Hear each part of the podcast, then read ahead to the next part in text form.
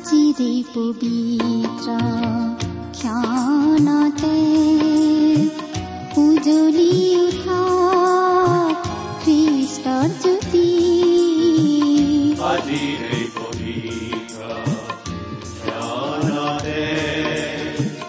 উজ্বলি উঠা খ্ৰীষ্টৰ জ্যোতি আকাশ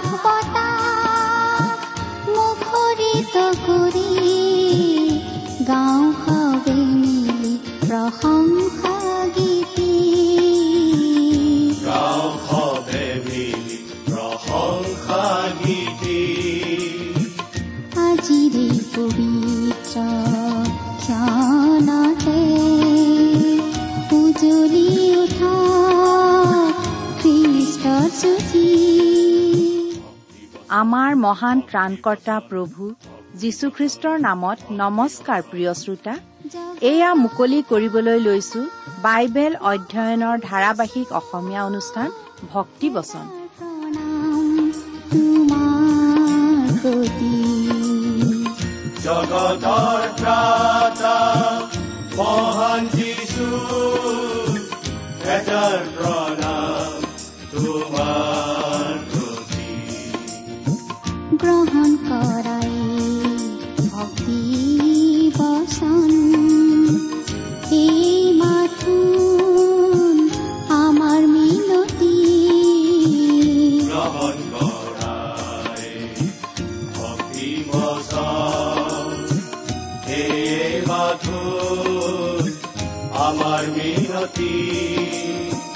আকাশ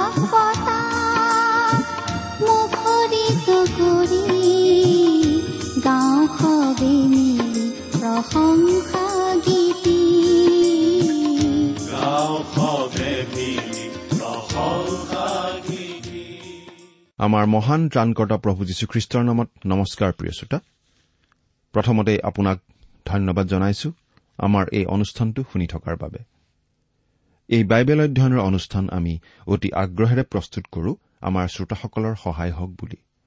যদিও এই কামৰ বাবে আমি নিজকে উপযুক্ত বুলি নাভাবো।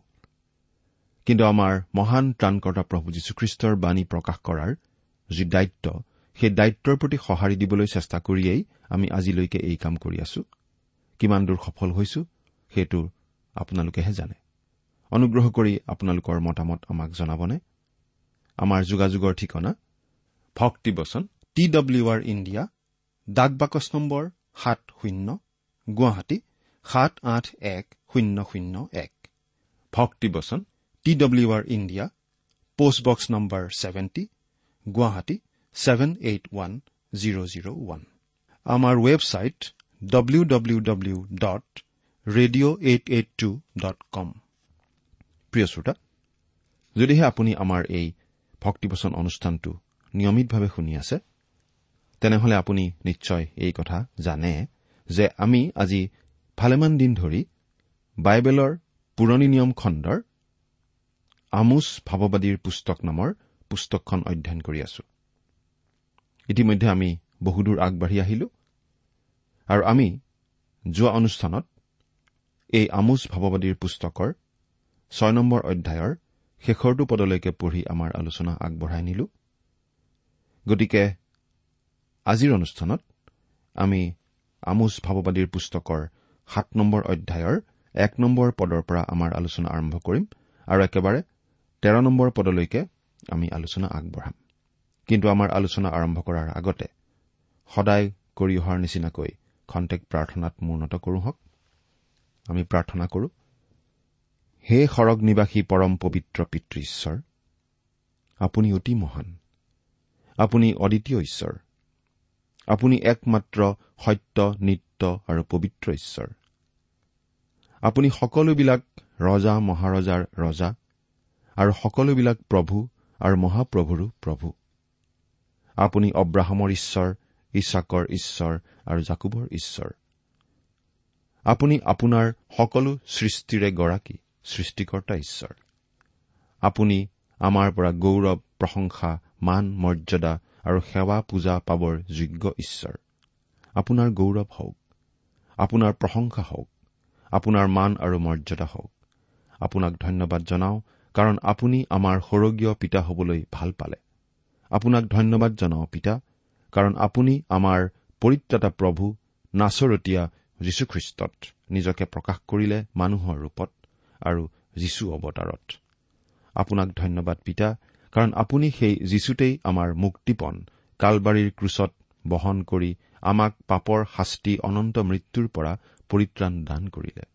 হে পিতা এই ভক্তিবচন অনুষ্ঠানৰ জৰিয়তে আপোনাৰ সেই পৰিত্ৰাণ প্ৰচাৰ কৰোতে অনেক হেৰুৱা আত্মা উদ্ধাৰ হবলৈ আপুনি দয়া কৰি অযোগ্য যি আমি আমাৰ মুখলৈ নাচাই আপোনাৰ নিজ নামৰ গুণে আৰু হেৰুৱা আত্মাসৱৰ মংগলাৰ্থে আজিৰ এই বচন ঘোষণাৰ ওপৰত আপোনাৰ আশীৰ্বাদ ৰাখক। পৰিত্ৰাতা প্ৰভু যীশুৰ নামত এই প্ৰাৰ্থনা অৰ্পণ কৰিলো। আমেন।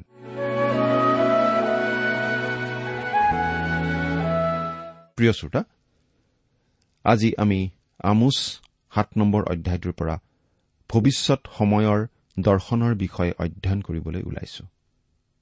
আমোচ ভাৱবাদীৰ পুস্তকৰ এই সাত নম্বৰ অধ্যায়তেই পুস্তকখনৰ তৃতীয় আৰু শেষ প্ৰধান খণ্ডটোৰ আৰম্ভণি হৈছে। এই শেষ খণ্ডৰ তিনিটা অধ্যায়ত ভৱিষ্যত সময়ৰ দৰ্শনসমূহৰ বিষয়ে পোৱা যায়। আমোচ বোলা এই ব্যক্তিগৰাকী যদিও গাঁৱৰ চহোৱা মানুহ আছিল তথাপি ঈশ্বৰে কৰাত তেওঁ বহু ওপৰলৈকে উঠাব পাৰিছিল। ঈশ্বৰে তেওঁৰ যোগেদি দিয়া কিছুমান দৰ্শন বৰ মন কৰিবলগীয়া। প্ৰথমতে আমি পাওঁ কাকতি ফৰিঙৰ দৰ্শন। পাঠ কৰি দিবলৈ ওলাইছো। সাত নম্বৰ অধ্যায়ৰ প্ৰথমটো পদ যদিহে লগত বাইবেল আছে অনুগ্ৰহ কৰি চাই যাব। আৰু যদিহে বাইবেল নাই অনুগ্ৰহ কৰি মন দি শুনিবচোন। পাঠ কৰি দিম। প্ৰভু জীহুৱাই মোক এইদৰে দেখুৱালে চোৱা শেহতীয়া ঘাঁহৰ গজালি ওলোৱাৰ আৰম্ভণতে তেওঁ কাকতি ফৰিংবোৰ সৃষ্টি কৰিলে। আৰু চোৱা ৰজাৰ ঘাঁহ কটাৰ পাছত ওলোৱা সেয়ে শেহতীয়া ঘাঁহ। এইবোৰ সাধাৰণ ফৰিং নাছিল কিন্তু সদায়েই মহামাৰীৰ ৰূপ লোৱা কাকতি ফৰিং আছিল। তেতিয়াৰ দিনত শস্যৰ পথাৰত দুটাকৈ খেতি চপোৱা হৈছিল। প্ৰথমটো খেতি খেতিয়কসকলে চপাই ৰাজকৰৰ নামত ৰজাৰ ঘৰত দিবলগীয়া হৈছিল। তাৰ পাছতেই খেতিয়কসকলে দ্বিতীয়বাৰ শস্য খেতি কৰে।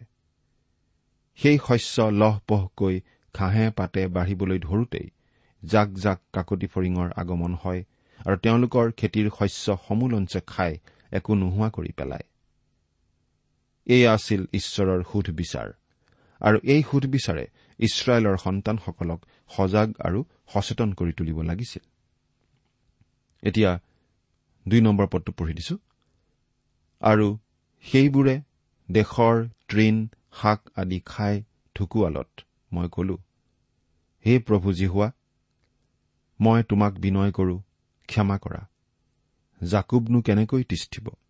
কিয়নো তেওঁ ক্ষুদ্ৰ। ইয়াত আমোছে আচলতে কৈছে আমাক সঁচাকৈয়ে বৰ শলঠেকত পেলোৱা হৈছে। এই অৱস্থাই আমাক এনেভাৱে জুৰুলা কৰি পেলাইছে যে আমি আৰু সহ্য কৰিব নোৱাৰা হৈছো। তেওঁ ঈশ্বৰৰ ওচৰত মিনতি জুৰি ক্ষমা ভিক্ষা কৰিছে আৰু সহায় বিচাৰি প্ৰাৰ্থনা কৰিছে। আৰু চাওক ঈশ্বৰৰ মন আৰু তেওঁৰ সঁহাৰিলৈ ইছৰাইলৰ প্ৰতি তেওঁ তেতিয়াও সহনশীল হৈ আছিল। তেওঁলোকক ত্যাগ কৰা নাছিল। ক্ষমা বিচাৰিলে ক্ষমা দিবলৈ তেওঁ প্ৰস্তুত আছিল। তিনি নম্বৰ পদটো পঢ়ি দিছো। এই কথাত জিহুৱাই তেওঁৰ মন ঘূৰালে। প্ৰভু জিহুৱাই এইয়ে নঘটিব বুলি কলে। প্ৰভুৱে কলে মই আৰু সেইটো নকৰো।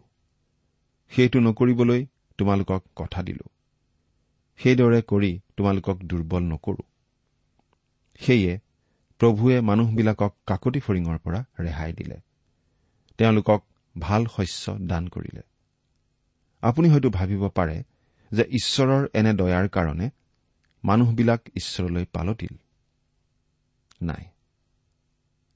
তেওঁলোকে ঈশ্বৰলৈ পালতা নাছিল। সাত নম্বৰ অধ্যায়ৰ চাৰি নম্বৰ পদৰ পৰা পাওঁ অগ্নিৰ দৰ্শন।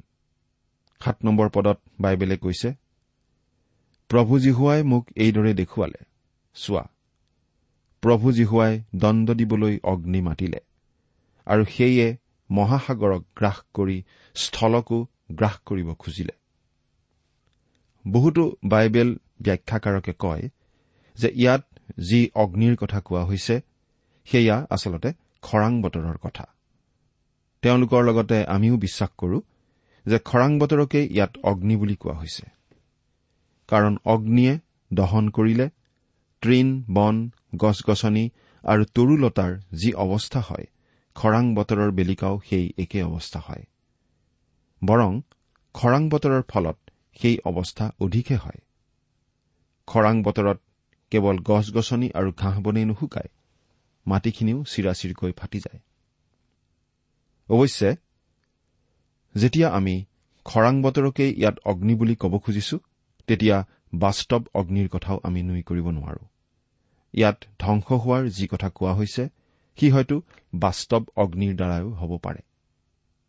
সাত নম্বৰ অধ্যায়ৰ পাঁচ আৰু ছয় নম্বৰ পদ তেতিয়া মই কলো হে প্ৰভুজী হোৱা মই তোমাক বিনয় কৰো ক্ষান্ত হোৱা। জাকুবনো কেনেকৈ তিষ্টিব কিয়নো তেওঁ ক্ষুদ্ৰ।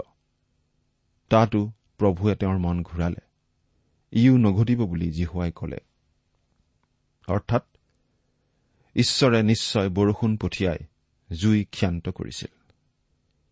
তেওঁলোকৰ হৈ আমোচে কৰা প্ৰাৰ্থনালৈ ঈশ্বৰে ইতিবাচক সঁহাৰি জনাইছিল। মানুহবিলাকৰ অনুৰোধত আমোচে প্ৰাৰ্থনা কৰিছিল আৰু আমোচৰ প্ৰাৰ্থনাৰ কাৰণেহে ঈশ্বৰে মন ঘূৰাইছিল। এনে মৰমীয়াল আৰু অনুগ্ৰহশীল প্ৰভুক প্ৰত্যাখ্যান কৰি অনন্তকাললৈকে হেৰাই থাকিবলগীয়া হোৱাটোৱেইতো আটাইতকৈ ভয়ানক কথা নহয়নে প্ৰিয় শ্ৰোতা? প্ৰিয় শ্ৰোতা ঈশ্বৰে আপোনাক ভাল পায়। আৰু সেই ভালপোৱাক প্ৰত্যাখ্যান কৰি সেই ভালপোৱাক বিৰোধিতা কৰি ঈশ্বৰক প্ৰত্যাখ্যান কৰাটোৱেই আটাইতকৈ ভয়ানক ৰূপে বিপদজনক কথা।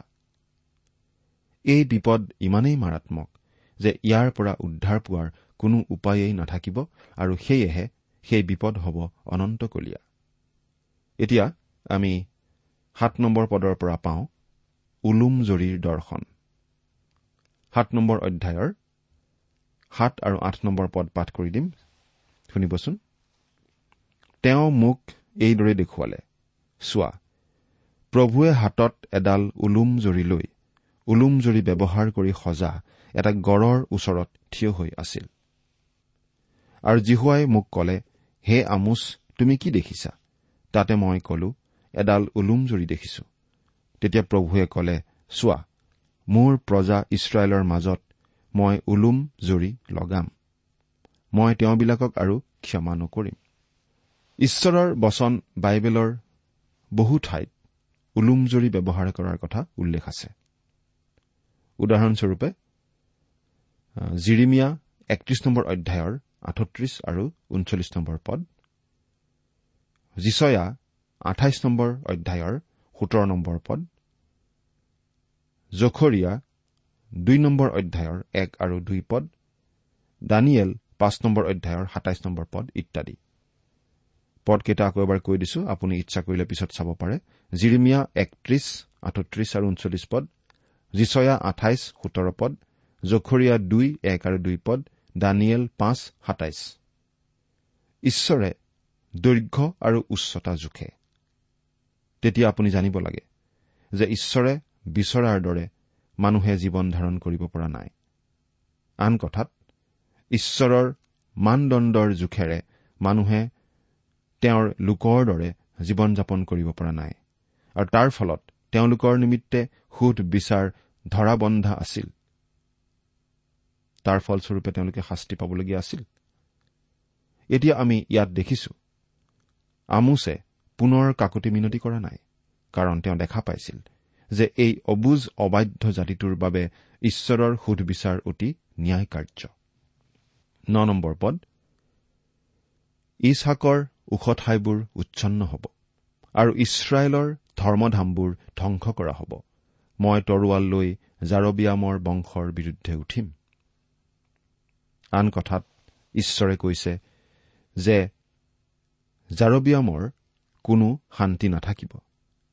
ঈশ্বৰৰ নীতিটো হৈছে দুষ্ট লোকবিলাকৰ কোনো শান্তি নাই। যিচয়া আঠচল্লিছ নম্বৰ অধ্যায়ৰ বাইছ নম্বৰ পদ। তাৰ পাছত দহ নম্বৰ পদৰ পৰা আমি পাওঁ সম্পূৰ্ণ সুকীয়া বিষয় এটাৰ কথা অৰ্থাৎ ভাৱবাদীগৰাকীৰ ব্যক্তিগত অভিজ্ঞতাৰ কথা। পাঠ কৰি দিছো দহ আৰু এঘাৰ নম্বৰ পদ। সেইকালত বৈত এলৰ পুৰোহিত অমচিয়াই ইছৰাইলৰ ৰজা জাৰবিয়ামলৈ কৈ পঠালে বোলে ইছৰাইল বংশৰ মাজত তোমাৰ অহিতে আমোছে চক্ৰান্ত কৰিছে। দেশখনে তেওঁৰ বাক্য সমূলি সহিব নোৱাৰে। কিয়নো আমোছে এই কথা কৈছে জাৰবিয়াম তৰোৱালৰ দ্বাৰাই মৰা পৰিব আৰু ইছৰাইলক নিশ্চয় নিজ দেশৰ পৰা দেশান্তৰ কৰা হ'ব।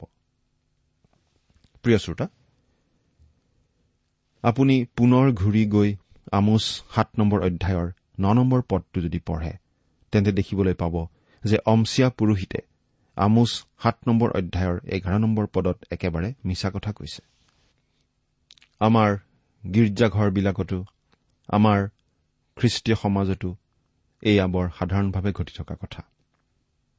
এজন শিক্ষকে এনেদৰে কৈছিল মই সকলো সময়তে বাইবেলৰ শিক্ষাবিলাক যিমান স্পষ্টৰূপে পাৰি সিমান স্পষ্টৰূপে পৰিৱেশন কৰিবলৈ চেষ্টা কৰো। তথাপিতো কেতিয়াবা কেতিয়াবা কোনো কোনো শ্ৰোতাই মই কেতিয়াও নোকোৱা কথাকেই কোৱা বুলি অপপ্ৰচাৰ কৰে। বৰ আচহুৱা কথা। এই কথা সত্য প্ৰিয় শ্ৰোতা। সেইটো কেতিয়া হবলৈ পায় জানেনে? হয়। যদি শুনোতাই মনোযোগেৰে শুনি শিক্ষাখিনি বুজি লোৱা নাই। এবাৰ এখন সভাত এজন মানুহৰ বিষয়ে উল্লেখ কৰি কোৱা হৈছিল যে তেখেত এগৰাকী দীঘল হাতৰ মানুহ। সেইদৰে কোৱা হৈছিল কাৰণ সেই মানুহজন বৰ অৱস্থাপন্ন মানুহ আছিল। প্ৰতিপত্তিশীল ক্ষমতাবান মানুহ আছিল। তাকে শুনি এজন মানুহে গৈ সেই মানুহজনক এনেদৰে কৈছিল হেৰি ককাই আপুনি একেবাৰে শেষ দেই। ইমানবিলাক ৰাইজৰ আগতে সেই যে শিক্ষকজন পকামূৰীয়া বুঢ়াজন অ সেই হাঁহি থকা কোজা বুঢ়াটোৱে আপোনাক হাত দীঘল মানুহ বুলি কৈ দিছে। কি মানুহ বাৰু তেওঁ? তাকে শুনি সেই মানুহজনে সেই শিক্ষকৰ ওচৰলৈ আহি ইটিকিং সুৰত এই বুলি ধৰিছিলহি। অ' মিছনেৰী ককাইদেউ আপুনি আৰু মিছনেৰী হৈ যীচু ভাল বুলিহে প্ৰচাৰ কৰিব লাগে কিন্তু হেনো অমুকা বেয়া বুলিহে প্ৰচাৰ কৰিছে? তাৰ উত্তৰত শিক্ষকে সুধিলে তোমাকনো বেয়া বুলি কত কেতিয়া কোৱা হল? তেতিয়া মানুহজনে কলে কিয়? কালিৰ সন্ধিয়াৰ গীৰ্জাঘৰত আপুনি হেনো মোক হাত দীঘল মানুহ বুলি কৈছে? মইনো আপোনাৰ কেতিয়া কি অপকাৰ কৰিলো যে আপুনি ৰাইজৰ আগত মোক হাত দীঘল মানুহ বুলি অপপ্ৰচাৰ কৰিছে? সেই কথা শুনাৰ পাছত সেই শিক্ষকজনে মনে মনে নহয় একেবাৰে জোৰকৈ হাঁহিলে। এৰা প্ৰিয় শ্ৰোতা বহুত সময়ত মানুহে কথাবোৰ বুজি নোপোৱা কাৰণে বা ভুলকৈ বুজা কাৰণে তেনেদৰে অপপ্ৰচাৰো কৰে। ইছৰাইলৰ পুৰোহিতেও আমোচ ভাৱবাদীৰ বিৰুদ্ধে তেনেকৈয়ে ভুল কথা ৰজাক জনাইছিল। কিন্তু কিছুমানে অৱশ্যে ইচ্ছাকৃতভাৱেই মিছা কথা লগায়। এই কথাও সঁচা। আমি আগতেই পাই আহিছো যে বৈত এলত সোণৰ দামৰি মূৰ্তিটো ৰখা হৈছিল আৰু অমচিয়া তাৰেই পুৰোহিত আছিল। তেলীয়া তালিয়া কথা কব জনাৰ তেওঁ গুৰু আছিল। মিঠা মিঠা আৰু মিছা মিছা কথাৰে তেওঁ মানুহৰ মন পিছলাব পাৰিছিল। কি কথা কেনেদৰে কলে ৰজাই ভাল পাইছিল সেইটো তেওঁ ভালদৰে জানিছিল আৰু সেইকাৰণে তেওঁ বৰ সুন্দৰ শুৱলা ভাষাত ৰজাক কথাবোৰ কৈছিল। কিন্তু সেই আটাইবোৰ কথা ভিতৰি ফোপোলা অন্তঃসাৰ শূন্য কথা আছিল। সেই অমচিয়া পুৰোহিত আগবাঢ়ি আহি আমোছে নোকোৱা কথা ৰজা জাৰবিয়ামৰ আগত ইচ্ছাকৃতভাৱেই লগাই মিছা কথা কৈছিল আমোছে কোৱা কথা আৰু অমচিয়াই মিছাকৈ লগোৱা কথাৰ মাজৰ পাৰ্থক্যখিনি জানিবলৈ সাত নম্বৰ অধ্যায়ৰ ন নম্বৰ পদ আৰু এঘাৰ নম্বৰ পদ দুটা সাৱধানে পঢ়ি চাওক। আমোছে কোৱা নাছিল যে জাৰবিয়াম তৰোৱালৰ দ্বাৰাই মৰা পৰিব। কিন্তু তেওঁ কৈছিল যে ঈশ্বৰে তৰোৱাল লৈ জাৰবিয়ামৰ বংশৰ বিৰুদ্ধে উঠিব। যিহৰ অৰ্থ হৈছে ইছৰাইলৰ সৈতে শত্ৰুৱে যুদ্ধ কৰিব। আৰু সেইটো আখৰে আখৰে ঘটিছিল যেতিয়া অচুৰীয়াসকলে ইছৰাইলৰ উত্তৰ ৰাজ্য আক্ৰমণ কৰি অনেক ইছৰাইলীয়া লোকক তৰোৱালেৰে বধ কৰি গোটেই জাতিটোকে বন্দী কৰি অচুৰ দেশলৈ লৈ গৈছিল। এতিয়া বাৰ আৰু তেৰ নম্বৰ পদ পঢ়িম।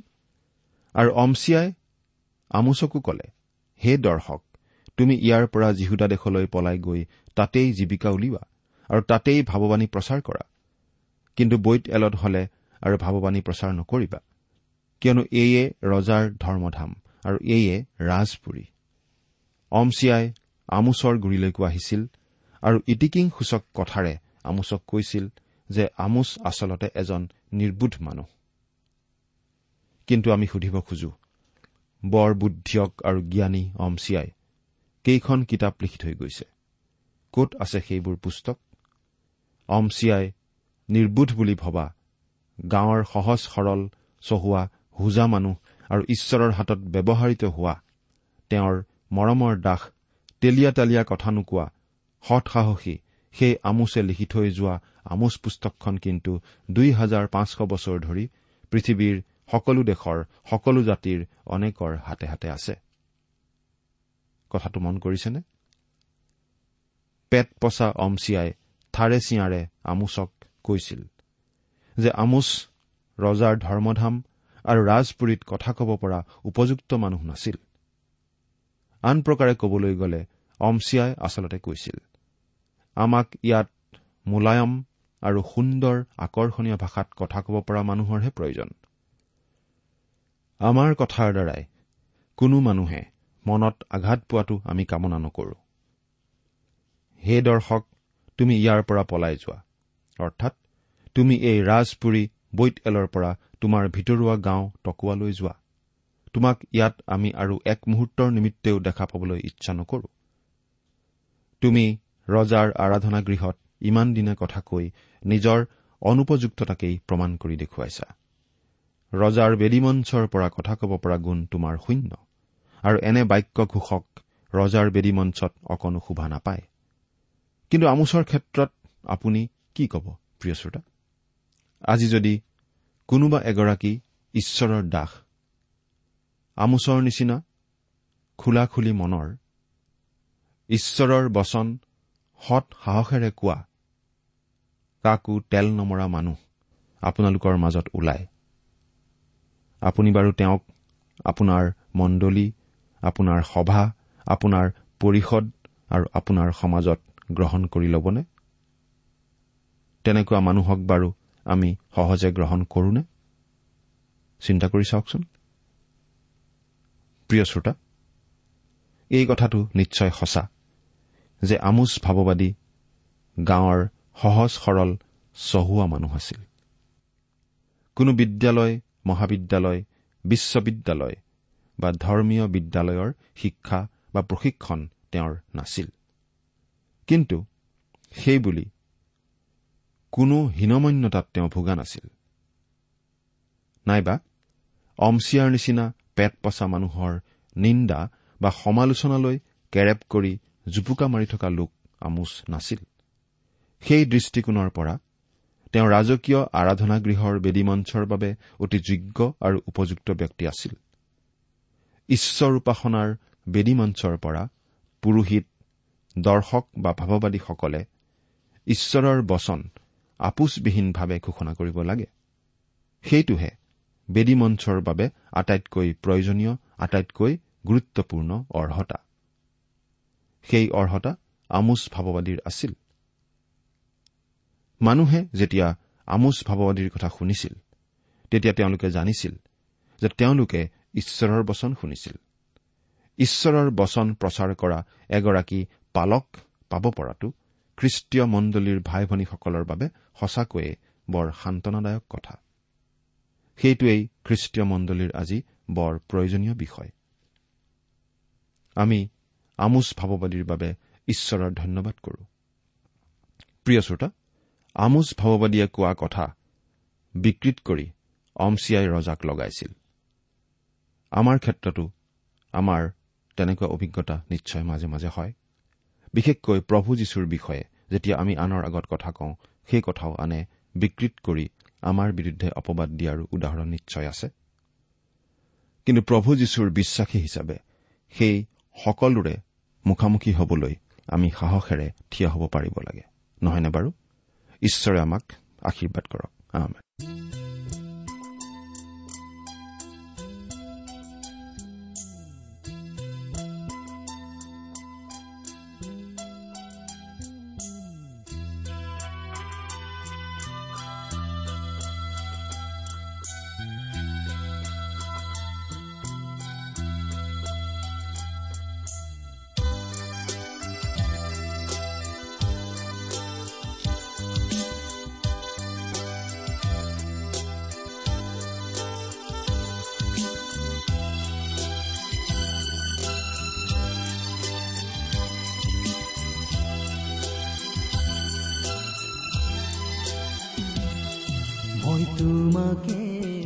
ইমান পৰে আপুনি ভক্তিবচন অনুষ্ঠানটি শুনিলে।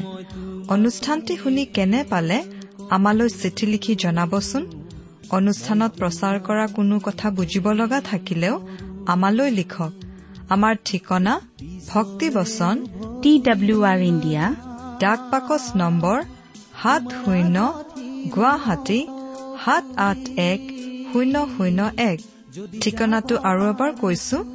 ভক্তিবচন টি ডাব্লিউ আৰ ইণ্ডিয়া ডাক পাকচ নম্বৰ সাত শূন্য গুৱাহাটী সাত আঠ এক শূন্য শূন্য এক। আপুনি ইমেইল যোগেৰেও আমাৰ সৈতে যোগাযোগ কৰিব পাৰে। আমাৰ ইমেইল আইডিটো হৈছে Assamese T TV at radio' eight eight two dot com. আইডিটো আকৌ এবাৰ কৈছো। Assamese T TV at radio' eight eight two dot com. আপুনি টেলিফোনৰ মাধ্যমেৰেও আমাক যোগাযোগ কৰিব পাৰে। আমাৰ টেলিফোন নম্বৰটো হৈছে শূন্য তিনি ছয় এক দুই ছয় শূন্য চাৰি ছয় সাত এক। ফোন নম্বৰটো আকৌ এবাৰ কৈছো zero' three six one two six zero' four six seven one. আজিৰ অনুষ্ঠানটি ইমানতে সামৰিছো। ঈশ্বৰৰ শান্তি আৰু অনুগ্ৰহ আপোনাৰ লগত থাকক। ধন্যবাদ।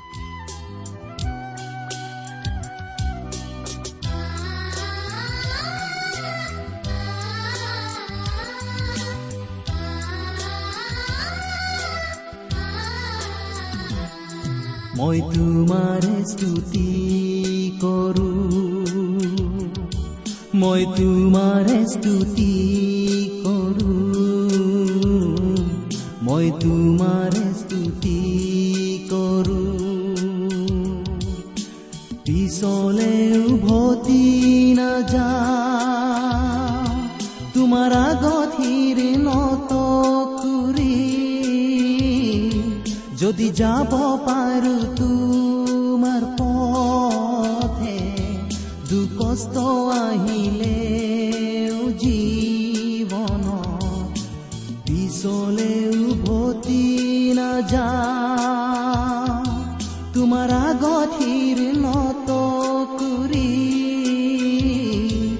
যদি যাব পাৰো তোমাৰ পথে দুকষ্ট